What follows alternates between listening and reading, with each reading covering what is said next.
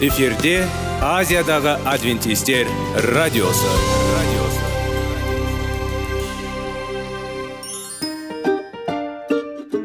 Сәлем достар. Денсаулық өмір бұлағы және біздің бірінші байлығымыз демекші денсаулық сағаты рубрикасына қош келдіңіздер. Біздің рубрикада біз әртүрлі факторларменен мәліметтерменен кеңестерменен бөлісіп шын жүректен сіздердің дендеріңіз сау болғанын қалаймыз. Сол үшін біздің рубрикаға қош келдіңіздер. Дайындалып тұрыңыздар. Өйткені келесі минуттарда қызықты фактілерге ие боласыздар. Енді достар ең бірінші байлығымызды қолымызға алып алға кеттік.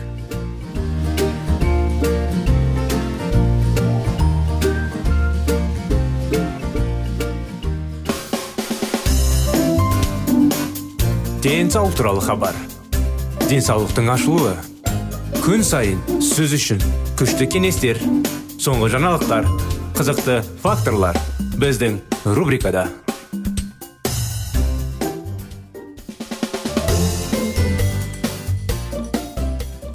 қош келдіңіздер біздің құрметті достар құрметті тыңдаушыларымыз біздің денсаулық сағат бағдарламамызға қытай зерттеулері тақырыбын сіздердің назарларыңызға жалғастырып жатырмыз тағы бір сұрақ ақауызды қабылдау афлатоксин дозасы мен ошақтардың пайда болуы арасындағы өте маңызды байланысты өзгерте ала ма деген сұрақ туындады химиялық зат әдетте канцероген болып саналмайды. Егер оның дозасын арттыру қатерлі ісікке шалдығу қаупін жоғарылауына әкелмесе сонымен афлатоксин дозасының жоғарылауымен ошақтар мен ісіктердің өсуі де жеделдеулі керек. Егер канцерогеном болып табылатын химиялық зат үшін мұндай үлгі байқалмаса оның канцерогенділігіне елеулі күмән туды. Қабылдаған доза мен ағзаның реакциясы арасындағы осы байланысты зерттеу үшін. Егей құйрықтардың он тобына афлатоксиннің өсіп келе жатқан дозасы берілді. Сонымен бірге оларды дайындау сатысында әдетті 20 пайыз немесе төмен 5-10 пайыз ақауызды үлесі. Афлатоксин дозасы мен ошақтар реакциясының өзара байланысы. Азық түлік 20 пайыз ақауыздан тұратын егей құйрықтарда ошақтардың саны мен мөлшері афлатоксин дозасы жоғарылаған сайын күтілгенде артады. Доза мен дененің реакциясы арасындағы байланыс айтарлықтай және айқын болды. Алайда тамағы тек 5 пайыз ақауыздан тұратын жануарлар тобында. Доза мен реакция арасындағы байланыс толығымен жойылды. Афлатоксиннің ең жоғары дозасымен де ошақтардың реакциясы болған жоқ. Бұл тағы бір мәтіне нәтиже болды. Төмен ақауызды диета афлатоксин сияқты өте күшті канцерогеннің әсерін жоққа шығаруы мүмкін. Химиялық канцерогендер дұрыс тамақтану жағдайында қатерлі ісік ауруын тудырмауы мүмкін бе? Біздің өміріміздің көп бөлігінде біз қатерлі ісік тудыратын заттарға аз мөлшерде ұшыраймыз.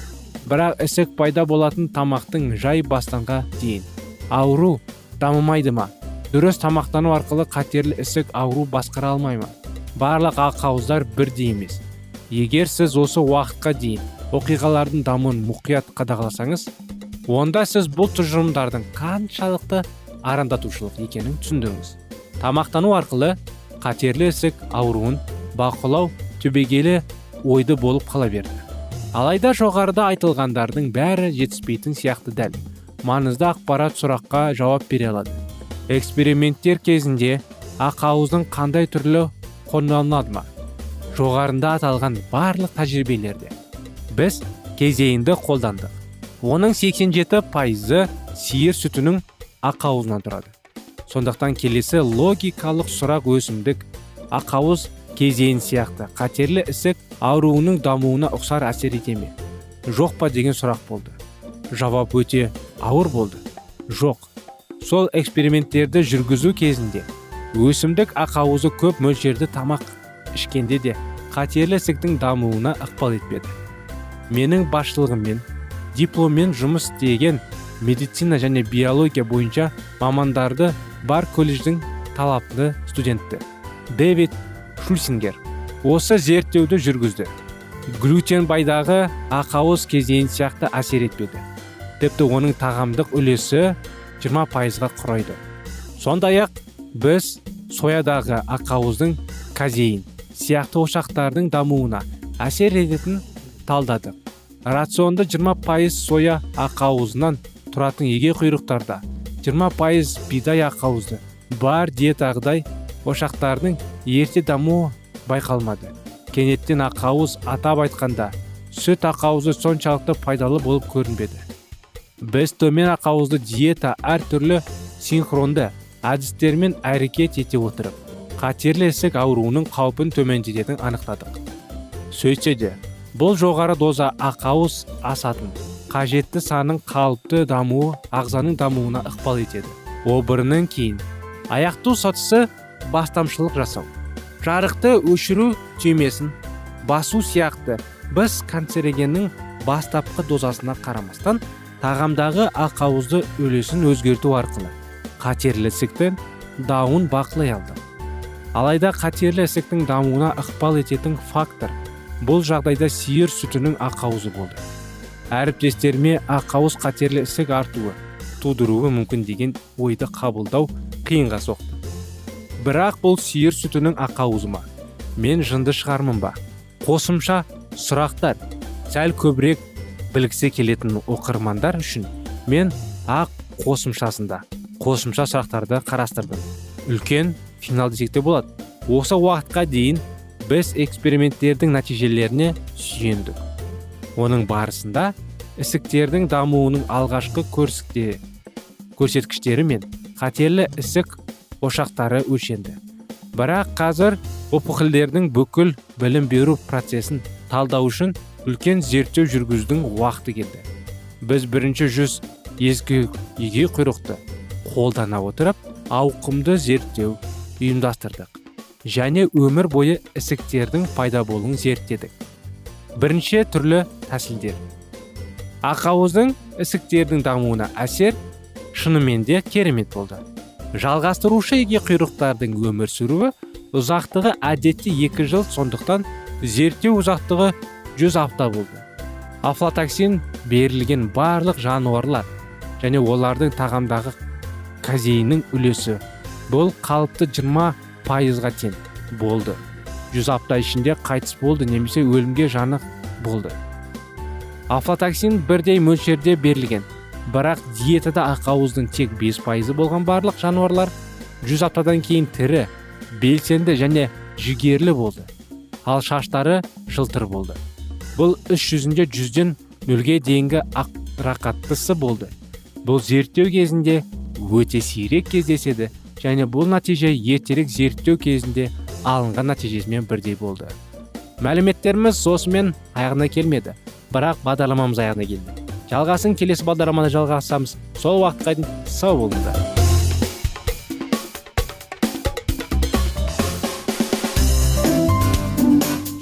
Денсаулық туралы хабар. Денсаулықтың ашылуы. Күн сайын сөз үшін күшті кеңестер соңғы жаңалықтар. Қызықты факторлар біздің рубрикада.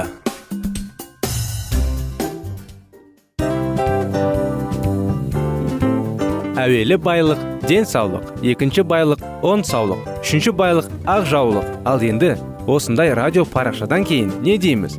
Барлықтарыңызға денсаулықтарыңыз зор болсын деп тілейміз. Денсаулықтың өзгеруі кішкентай нәрселерден басталады. Осымен біз берген кеңестер мен мәліметтер шын жүректен сіздер үшін қандай да бір болсын жәрдем берді деп үміттенеміз. Тыңдаушыларымызбен келесі радио парақшасына дейін қоштассамыз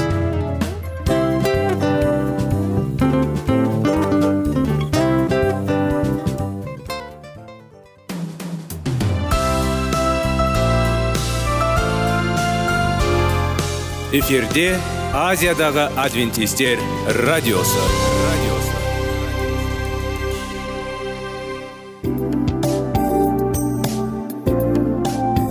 Сәлем достар. Барлықтарыңызға шын жүректен сөйлесек рубрикасына қош келдіңіздер деп айтпақшымыз. Шын жүректен сөйлесек бағдарламасы әртүрлі қызықты тақырыптарға арналған.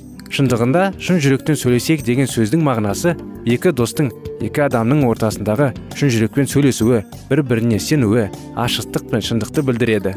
Сол үшін біздің бағдарламалар әртүрлі қызықты тақырыптарға арналған. Дайындалыңыз жаңа қызықты мәліметтерге ие болуға. Ондай болса кеттік.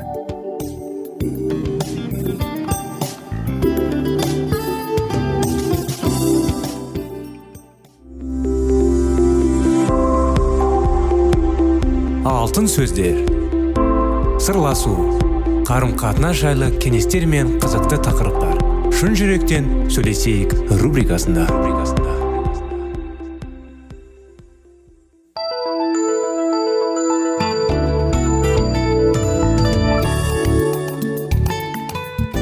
Сәлем достар. Армысыздар құрметті радио тыңдаушыларымыз. Қош келдіңіздер біздің бағдарламамызға. Сіздерменен бірге шын жүректен сөйлесейік бағдарламамыз.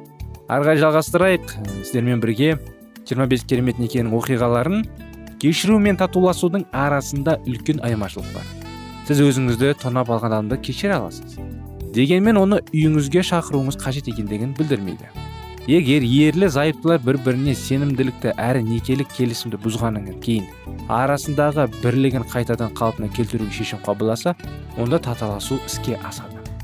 Біз неке адалдығымыздың бұзылмағандығынан ешқашан қиындықты көргенімізбіз.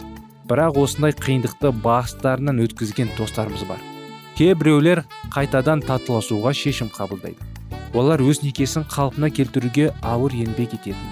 Кез келген жағдайда жұбайының біреуі істегені қатты өкініп өз күнәсін мойындап теріс жолдан қайтқан. Біз бір жандықты анық түсінейік. Адам өз күнәсінен бас тартпаса татуластық бола алмайды. Дәл солай құдай ие әрі мейірімді болса да онымен татуласуға бізден жүрегіміз бен ой санамызды күнәмізді мойындау арқылы тазарып теріс жолдан қайтудан талап етеді. Біз өз бетімен бір бірімен татуласа алмайтын ерлі зайыптылармен де кездесті. Олардың ажырасудың ауыртпалығына шыдап өмір сүрудің қажеті жоқ. Иса олардың некелеріне опасыздық жасағаннан қиындығы жақсы түсініп оларға рақымдылықпен қарап кешірімді бола береді. Біз құдайдың ерлі зайыптылардың ажырасқаннан кейін жүректерін сауықтырып өмірлерін қалпына келтіріп жарылқаған көзімізбен көрдік. Егер сіз күйеуіңізбен ажырасқан болсаңыз сіз біз сізді ажырасудың өзіңіздің болашағыңызға жаман әсер етуін жол бермеуге шақырамыз. Ажырасу сіздің өткен өміріңіздің белгісі ғана болып табылады. Сонымен осы белгі сіздің келешегіңізге кедергі жасамау керек. Өткен өміріңіз сізге емес құдай иеге тиесілі болады. Сіздің болашағыңызға арналған құдайдың жоспарын білдіру үшін. Біздің жауымыз өткен өткен өмірді пайдалануға тырысады. Жаратқан ие сізге бүгінгі күні беріп бүгін шешім қабылдағаныңыз кешегі емес ертеңгі күнге әсер ететін есіңізде болсын. Егер сіздің шешіміңіз дұрыс болмаса оны түзету үшін құдайдың құдіреті мен даналығын қабылдаңыз. Ең қиын жағдайды өзгертетін тәңірдің құдіретін қабылдап рақымының кереметтерін көру үшін оған мойынсұнып кішіпейілді болыңыз. Мен тұйыққа тірелдім. Некеге арналған құдайдың жоспары жайында. Исаның қатты сөздері сол замандағы қоғамның бір түрлі болып көрінетін. Мәсіхтің шәкірттері оның сөздеріне жігере алмай соған бола көзделері қалған еді. Олардың наразылдық білдіргенін қараңыз. Сонда шәкірттері егер еркектің әйелінің алдындағы міндеті осындай болса онда не істеуіміз білмейміз. Үйленбеген артық болады. Не істерін білмей өмірлері тұйыққа тірелді ме? Неге құруға деген қандай теріс өзгеріс? Көзқарас. Дегенмен көпшілігі исаның шәкірттері сияқты некелік қарым қатынасқа оларды шектейтін әрі қасым қысым көрсететін нәрсе ретінде қарайды. Қаншама жалғыз қалған ерлер мен әйелдер жаратпайтын адаммен отбасы құрудан қорқып не істерлерін білмей тұйық көшеде тұрғандай жағдайда өмір сүреді. Бірақ біз некеліктің бақытты қарым қатынаста болу үшін адамның өзіне жақсы жарасын жұбайын табу емес қайта өзінің жақсы жарасатын адам болуын маңызды екендігін түсіндік. Біз сіздің дұрыс түсіндіріңізді қалаймыз. Өзіңізге арналған жұбайыңызбен кездесу үшін құдайдан кеңес сұрап оның киелі рухының тыныштығына ие болуыңыз керек. Біз жиі жағдайда өзімізге жарасатын адамды тапсақ онда ол адам бізді бақытты қылады деп ойлаймыз. Ешбір пенденің басқа пендені бақытты ету қолына келе бермейді. Бұл тек құдайдың қолынан ғана келеді. Дәл солай біз адамды өзімізге жағатын мұратымызға сай етіп өзгерте алмаймыз. Бірақ біз өзіміздің жұбайымызға не келшекте болатын жарымызға өмірімізді арнап жаратқан иенің бізді өзгертуіне жол беруіміз керек. Сіз өзіңіз үшін өмір сүргеніңізден көріп жұбайыңызға өз жарыңызды арнап өмір сүрген кезде көбірек рахатқа бөлеңіз матай жазған ізгі хабар кітабында дененің шамы көз деп жаразылған бұл дегеніміз сіздің түйсігіңіз сізді шынайылыңыз деген мағынаны білдіреді. Бұл өміріңізге қалай қарап жүрсеңіз солай пайда болатынын білдіреді. Және сонда сіздің тұйыққа тірелуіңіз құдайдың сіздің некелесіп тұрған өміріңізде және ол арқылы не істей алатынын шектейтін болды. Егер сіз өз некеңізді үмітсіз тортта торға түскенін іспетті қылып қабылатын болсаңыз ол шынымен де солай болады. Сіздің табиғи мән жайларыңыз ең соңында сіздің рухани қиял көріністеріңізді анықтай болады. Және неке бұл ерекше жағдай емес. Бәлкім сіздің былай деп ойлауыңыз мүмкін. Жаңағындай жанұя сіздер тым артық талап етесіздер. Сіз өз өмірді күйеуіме әйеліме толық арнауымды күтесіздер ме ал өзіңнің үмітіммен армандарым ше? Ал менің қалағанымды кім іске асырады? Иса менің бақытты болуыма қаламап па еді? Сіздің айтқандарыңыз тек жай пайдалы және қызықты пікірлер ғана. Біз сіздерді құдайдың шын мәнінде сіздің бақытты болуыңызды қалайтынын көзіңізді жеткіземіз деп кәмәл сенеміз дегеніміз. Бірақ шынайы бақыт бұл ұлы мақсаттар мен талпыныстардан да жоғары болатын нәтиже адамзат баласының жоғары масаттарға қол жеткізу үдерісінен кейін бағы ашылады ал кез келген лайықты мақсатқа жету үшін сіздің бір күшіңізді салуыңыз талап етеді тек өзімшілдікті жойып бірақ қана нағыз бақытқа қол жеткізуге болады ал некедегі өмір бұл дарышылдық күресу үшін менсіз орта болады осымен бүгінгі бағдарламамыз аяғына келді. Сіздерді келесі бағдарламада күтіп келесі жолға дейін сау болыңыздар дейміз.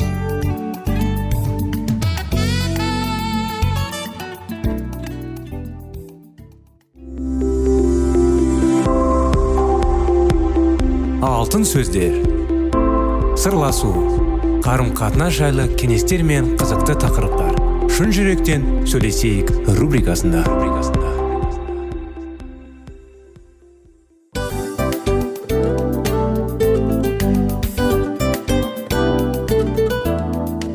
Құрметті достар барлық ең соңғы кеңестер аяқталған соң біздің программамыз соңына келіп қалды. Осы біздің мәліметтер осы рубрикада айтылған әрбір сөздер сіздерге өзінің қандай да бір пайдасын алып келді деп шын жүректен сенеміз. Және бұдан да көптеген рубрикаларымыз бар. Басқа рубрикаларымызда біздің зерттеулерімізде сіздер үшін тағы да қызықты мәліметтер дайын. Біздің шын жүректен сөйлесейік парақшамызда көптеген әдістер ең соңғы кеңестер адамның нравственность жақтан моральдық жақтан тазалап байыта тұрған соңғы кеңестердің барлығын жанарады. сондықтан алдыңғы күндерде бізбен бірге болыңыздар. Өйткені барлық қызықтар алдыда. Бізбенен бірге болғандарыңызға үлкен рахмет. Келесі кездескенімізше сау сәлемет болыңыздар.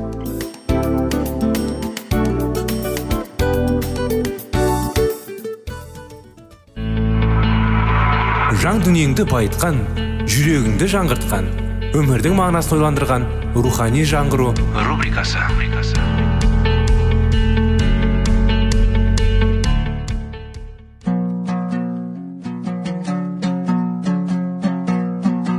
Ассалаумағалейкум біздің тыңдаушыларымыз. Келі кітаптың шындығын ашып берген қысқа бағдарламасына қош келдіңіздер. Барлығынан жоғары жаратушы біздің қарыңғылықта жалғыз қалдырып қойған емес. Өйткені ол келешекте не болу керек екенін киелі кітаптың парақтарында ашып береді. Немесе келіңіздер бізге қосылыңыздар. Жаратушы бізге нен ашып бергенін зерттейміз. Тыңдаушылары мойындағандай бұл хабар көктен келген болатын. Мәсіх исаның көктен келген елші екенін құдай сөзімен оның рухы растады. Күйзеліске ұшырап қобалжығандары соншалықты. Олар исаның оның күтіп тұрған қасірет пен өлім бары жайлы айтқан сөздерін ұмытып та кетті. Егер назареттен шыққан иса мәсіх елші болса олар осылай қайғыруға тиісті ме еді? Тірілетін жексенбінің алдындағы мұнда сенбі күні құтқарушы бейтте жатқанда шәкірттердің жаның жегідей жегей осы ой болды. Сол қайғылы түн оларды түнекке орап тастағанымен құдай шәкірттерін қалдырған жоқ. Ол жайында пайғамбар былай деп жазды. Мен түнекке тұрғанымен алла менің жарығым. Ол мені түнектен шығарып өзінің ақиқатын көрсетеді. Мен соқырылды олар білмейтін жолдармен жетелеймін. Түнекті жарыққа айналдырамын. Қисық жолдарын түзетемін. Ешқашан оларды қалдырмаймын дейді біздің жаратушымыз. Оқушылардың жариялаған ізгі хабары төп түгел шын және сол кездері ол нұсқап тұрған оқиғалар болып жатты. Уақыт толды құдай патшалығы жақындады деген болатын олар даниял пайғамбарының кітабының тоғызыншы тарауындағы исаға дейінгі алпыс тоғыз рет жеті мерзімі өткеннен кейін мәсіх иордан өзенінде жохан пайғамбарының қолына шомылу рәсімінің өтіп келі рухпен майланған болатын. Ал оқушылар уағыздаған құдай патшалығы мәсіхтің өлімнен орнады бұл арада жердегі патшалық туралы емес тіпті киелілер келіп жаратушылардың алдында қызмет ететін көктегі мәңгілік патшалық туралы да айтылып тұрған жоқ. Киелі кітапта сөз болатын құдай патшалығы бұл игілік және даңқ патшалығы. Ол туралы елші паул еврейлерге жазған хатында айтады. Біздің әлсіздігімізді түсінетін мейірімі ара түзушіміз.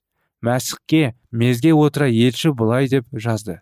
Сондықтан береке мен бірлік тағының алдында өжетте келейік өткені осы жерде біз мейірімділік пен игілік бөлінеміз.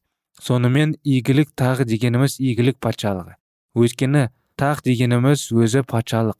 Мәсіхтің өзі көптеген мысалдарында адамдардың жүректеріне әсер ететін құдайдың игілігіне көңіл аудару үшін аспан патшалығы деген сөзді пайдаланады. Сонымен қатар тағы дегеніміз патшалығы және құтқарушымыздың сөзінен осы патшалық туралы естиміз. Қасиетті періштелерін ертіп ғаламат ұлылықпен көктен адамзат ұлы келген соң салтанатты тағына отырды және оның алдына барша халық жиналып әкелінеді. Бірақ бұл болашақта орнайтын патшалық ол патшалық иса мәсіх екінші рет жер бетіне келмейінше орнамайды. Игілік патшалығы адам баласы. Ең алғаш рет күнә жасап кінәлі болған адамзатты құтқару жоспары құралып жатқан кезде орнаған болатын. Ол кезде сөз болып отырған патшалық құрылған жоспарға сай және құдайдың уәдесінің арқасында бар болды. Ал адамдар өздерінің сенімдерімен сол патшалықтың азаматтары болып саналды. Бірақ исаның өлімі ғана бұл патшалықты толық бекітті. Исаның жердегі қызметі басталғаннан кейін де еш ризашылығы жоқ. Бір беткей надан халықтан шаршаған ол ғалғота құрбандығының бас тартуына болушы еді. Егер де иса мәсіх гетсимания бағында барлық адамзат баласының күнәсін арқалап жаны қиналып зұлымдылықтың тостағаны қолында. Дірілдеп тұрған сәтте маңдайының төгілген қанды терді сыпырып тастап адамзат өзі жасаған күнәсінің ауыртпалығын өзі көтересін десе біздер үшін қазір жұмақтың есігі жабық болған болар еді. Бірақ иса ауыртпалықты көтерді. Ол адамзаттың құрбанына айналып айқыш ағашқа керіліп ақырғы демінің алдында орындалды. Деген кезде дәл осы сәттен бастап адамзатты құтқару жоспары орындала бастады. Сонау бейш бағында күнәға батқан жұбайларға берген уәдесін құдай орындады. Аян ретінде ғана берілгіп тұрған уәделі игілік патшалығы енді орнады. Шәкірттері үміттерінің бір жола сөнгені секілді. Көңілдері құлазып қабылдаған исаның өлімі керісінше олардың үміттерін шындады. Және әділеттіктер мен сенімдерінің мықты дәлелі болды. Қасіретке толы бұл оқиға әрбір ғасырларда өмір сүріп жатқан адамның ұлдары мен қыздарына мәңгіліктің есігін ашты. Және ол барлық замандардағы имандардың мәңгілік өмірінің орталық нүктесі болмақ. Исаның оқушыларының көңілдерінің суығындарына қарамастан шексіз мейірімділік ылғи көрініп отырды. Мына адам секілді ешқашан ешкім сөйлеп көрген емес деп құтқарушы жайлы айтылған ілімнің күші оқушылардың жүректеріне әсер етіп алланың игілігі оларды бұрып алғанына қарамастан шәкірттердің исаға деген сүйіспеншіліктерінің таза алтынына бұл өмірдің мақтаныштығы мен өркекіректігінің өтірігі араласты. Тіпті сол бір салтанатты сағатта құтқарушыларына гетсиманияның келткесі түсіп тұрғаннан өзінде кімнің мәртебесі көктеріңкті деп олар бір бірлерімен тайталасумен болды. Шәкірттер тақ жайлы тәж жайлы атақ жайлы армандап жатқан кездерінде оларға керісінше қасірет жан азабы сот сарайы және айқыш ағаш шайқын тұрған болатын. Исаның шәкірттері оның өздерінің мағынасына терең ой жүгіріп ойланбады. Олардың ойлағандары жер бетінің байлығы болатын атақ пен даңқ кім кімнен жоғары болады кім кімнен озып түседі деген ниетте жүретін. Осындай күнәқар ойлардың дамуында қамауында жүргендіктен олар көп қасірет шекті. Құдайдың сөзін толық ұқпағандармен оның бұйрығын орындап ізгі хабарды уағыздағандары үшін алла оларға өз батасын берді. Енді олар исаның өліп үш күннен кейін қайра тірілген жайлы хабарды баршаға таратылы керек болды. Дәл осы жұмыс үшін құдай олардың сынақтан өткізіп шындады. Иса қайра тірелгеннен кейін емаусқа қарай бет алып кетіп бара жатқан оқушыларына жолықты. Осылайша мұса пайғамбардың заманының бастап өзі жайлы айтылған хабарды оқушыларына ұғындыра бастады.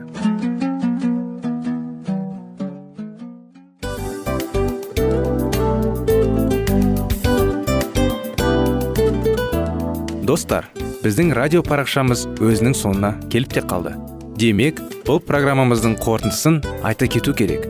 Негізі істің басталып жатқанын қуанту керек пе? Әлде оның қорытындысы қуанту керек пе? Сіздер қалай ойлайсыздар? Меніңше қорытындысы деп ойлаймын. Себебі жасаған ісінің жемісін көріп қорытынды арқылы бағалап жүрегін қуантады. Баяғыда айтқандай бидайды сепкенде емес бидайдың жемісін жинаған кейін ыстық нанды жегенде кәдімгідей рахаттанасың ғой. Осымен біздің бағдарламамыздың аяғында тыңдаушыларымыз қандай пайда алды екен деген ойдамыз. Егерде өткен сфераларда пайдалы кеңес алған болсаңыз біз өзіміздің мақсатымызға жеткеніміз. Бүгінгі 24 сағаттың алтындай жарты сағатын бізге бөліп ардағаныңыз үшін рахмет. Келесі кездескенімізше қош сау болыңыздар. Достар біздің бағдарлама бойынша сұрақтарыңыз болса әрине сіздерге керекті анықтама керек болса біздің whatsapp нөмірімізге хабарлассаңыздар болады. Плюс бір үш жүз бір жеті жүз алпыс алпыс жетпіс. Иә достар сіздер қателеспедіңіздер бұл біздің номерлерге ұқсас болмаса да бұл whatsapp номер арнайы. Хабарласыңыздар сұрақтарыңызды қойып тұрыңыздар. Анықтаманы алып тұрыңыздар. Плюс бір үш жүз бір жеті жүз алпыс алпыс жетпіс whatsapp номері.